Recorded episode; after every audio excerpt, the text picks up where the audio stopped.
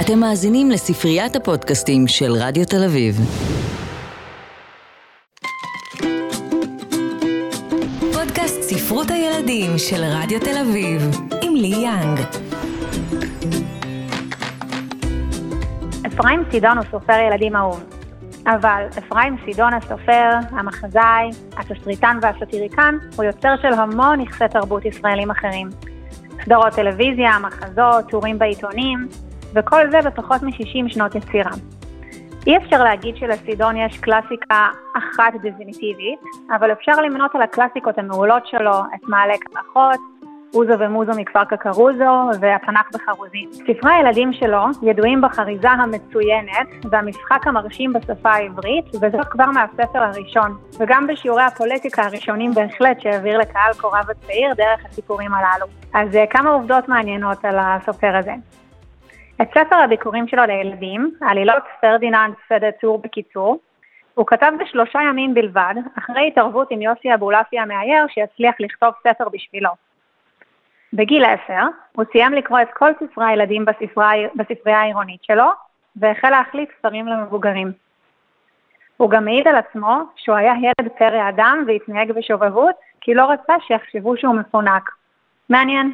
אז אה, שלום לאפרים צידון, סופר ומחזאי. שלום. אני, כן, אני בדקתי ולא הצלחתי לעשות את המתמטיקה. אני חייבת לשאול אותך, אתה יודע כמה ספרי ילדים הוצאת לאור עד היום?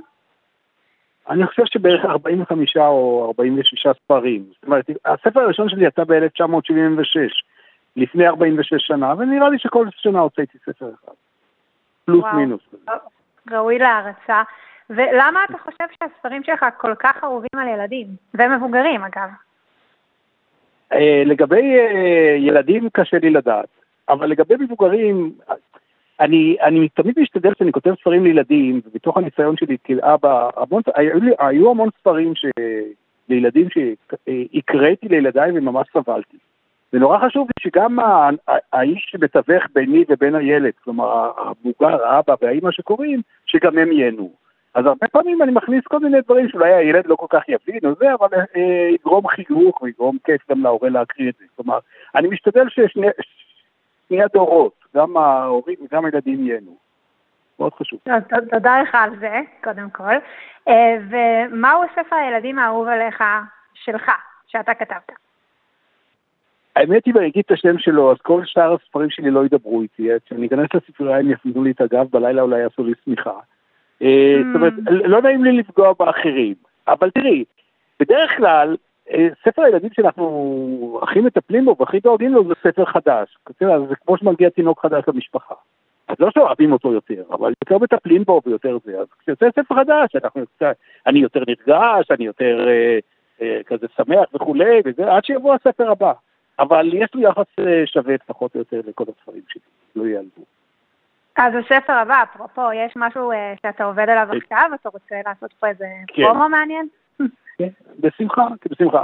ספר הילדים החדש שיצא, אני מניח, בספריית ידיעות אחרונות, לקראת, אני מניח, של ראש השנה, קוראים לו גנב השירים, זה לילדים בכיתות, הייתי אומר, אה, ג' ד' כזה. זה סיפור על מדינה שגונבים להם את השירים. הם מתחילים לשיר ופתאום אין להם מילים והמדינה נתקעת והם לא יודעים מה לעשות, וזו מדינה שמדברים שם רק בחרוזים ושרים כל הזמן וזה. ובשבילם להיות בלי שירים זה כמו להיות בלי אוויר, ומישהו גונב להם את השירים, ויוצאים- משלחת להחזיר את השירים, והרבה הרפתקאות. זה. מקסים. אוקיי. אמ, יש איזה סופר אחר שאתה חושב שדומה לך מבחינת סגנון הכתיבה, מבחינת אה, קצת הפוליטיקה בפנים, החריזה? תראי, אה, בארץ אני לא כל כך מכיר, אבל האמת שאני מאוד הושפעתי מדוקטור סוס בזמנו. זאת אומרת, אה, מהמלך קבצה וכל מיני ספרים כאלה. זאת אומרת, בתחום של החריזה ובתחום של אה, משחקי המילים וכל מיני דברים כאלה. בתחום של ה... כתיבה, נאמר, היותר פוליטית וכולי, או יותר אבסורדית, אה, הושפעתי גם מס- מסופרים אחרים, ובתחום של האי היגיון, של הנאנסנס וכל השטויות, אה, שירים רעים לילדים טובים, הושפעתי נורא מטומי אונגרר, שמלבד העובדה שהוא היה מאייר נפלא, הוא גם היה סופר ילדים נפלא, ומאדוארד ליר, ובכלל מספרות הילדים האנגלית עם ההומור השחור, זה מאוד השפיע. אוקיי. אמ, השפעות. אז יש לך, שני, יש לך הרבה, אבל שני פרטנרים מתחום האיור שהם גם נחשבים ליוצרי קלאסיקות, יוסי אבולעפיה ודני קרמן. אתה יכול לספר לנו קצת עובדות מעניינות על העבודה איתם? האמת שיש לי גם, תראי, גם דודו גבע המנוח צייר לי המון ופולונסקי, זאת אומרת, באמת, נכון. כל המאיירים שעבדתי איתם היו באמת מהשורה הראשונה ומעלה. עכשיו, לגבי, הספרים הראשונים צוירו בעיקר על ידי יוסי אבולעפיה משתי סיבות. קודם כל, אני הייתי אז ירושלמי ויוסי אבולעפיה היה ירושלמי ואז יותר פשוט. וכשעברתי לתל אביב, אז כמובן שדני קרמן תפס את מקומו של אה, יוסי אבולעפיה.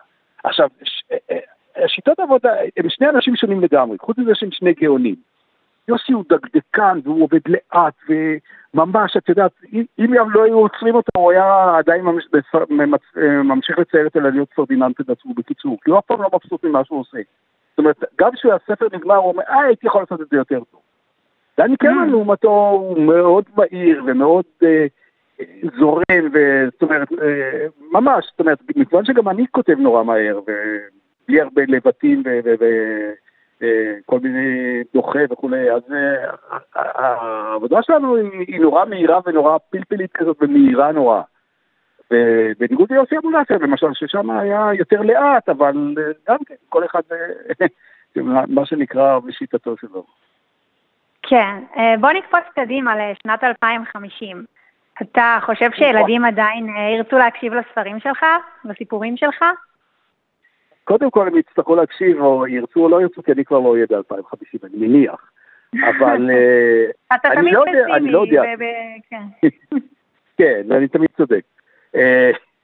תראי, אני לא יודע. תראי, כמות הגירויים וכמות הדברים שעוברים בשנים האחרונות, הם, הם כאלו שקשה לנו לתאר, זאת אומרת, כשאני הייתי ילד מישהו חשב על מחשב או על טלוויזיה או כל מיני דברים כאלו, או על טלפון שאתה לוקח ואתה רואה נשחט הכל במחשב הקטן הזה, זאת אומרת, כשהיינו, כשאני הייתי ילד, גם ילדים רעים, מה שנקרא, קראו ספרים, כי זה היה כמעט הבידור היחידי שהיה לך מה לעשות, אולי קצת לשמוע רדיו.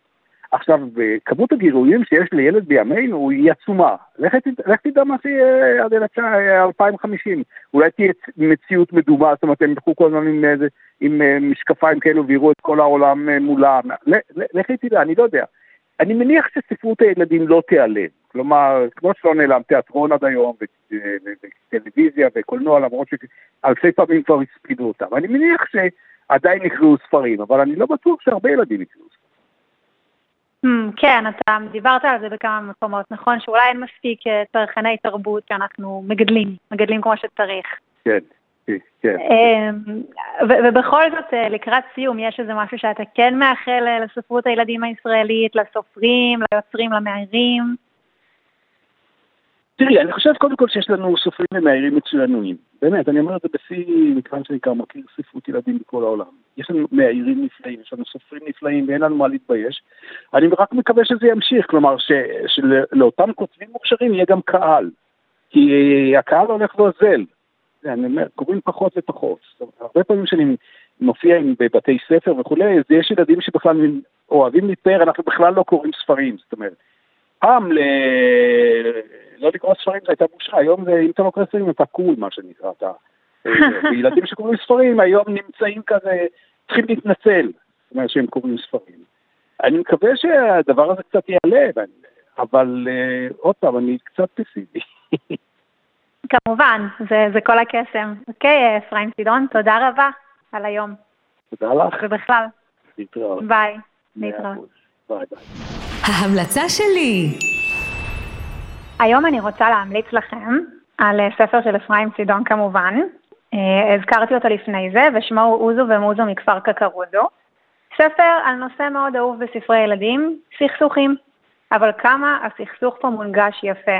מצד אחד, אחים קרובים קרובים, סמל להרמוניה ושלום, ומצד שני, מה שמפריד ביניהם זה הריב הכי טיפשי, על איך משלבים רגליים נכון. חוסר ההסכמה על הסוגיה הזו יצרה מריבה רבת שנים ונתק בין האחים ומשפחותיהם. אבל בסוף כמובן, הדור הצעיר פותר את הבעיה ומחזיר את השלום. אגב, הספר, שיצא לאור ב-87, קיבל כ-30 שנה אחרי כן מהדורה מחודשת, והוא רלוונטי מתמיד. אני רוצה להודות, כרגיל, לכל מי שהיה איתנו היום. תודה לזוהי קרמן, לנועה שפירא ולאפרים סידון. וזה הסוף.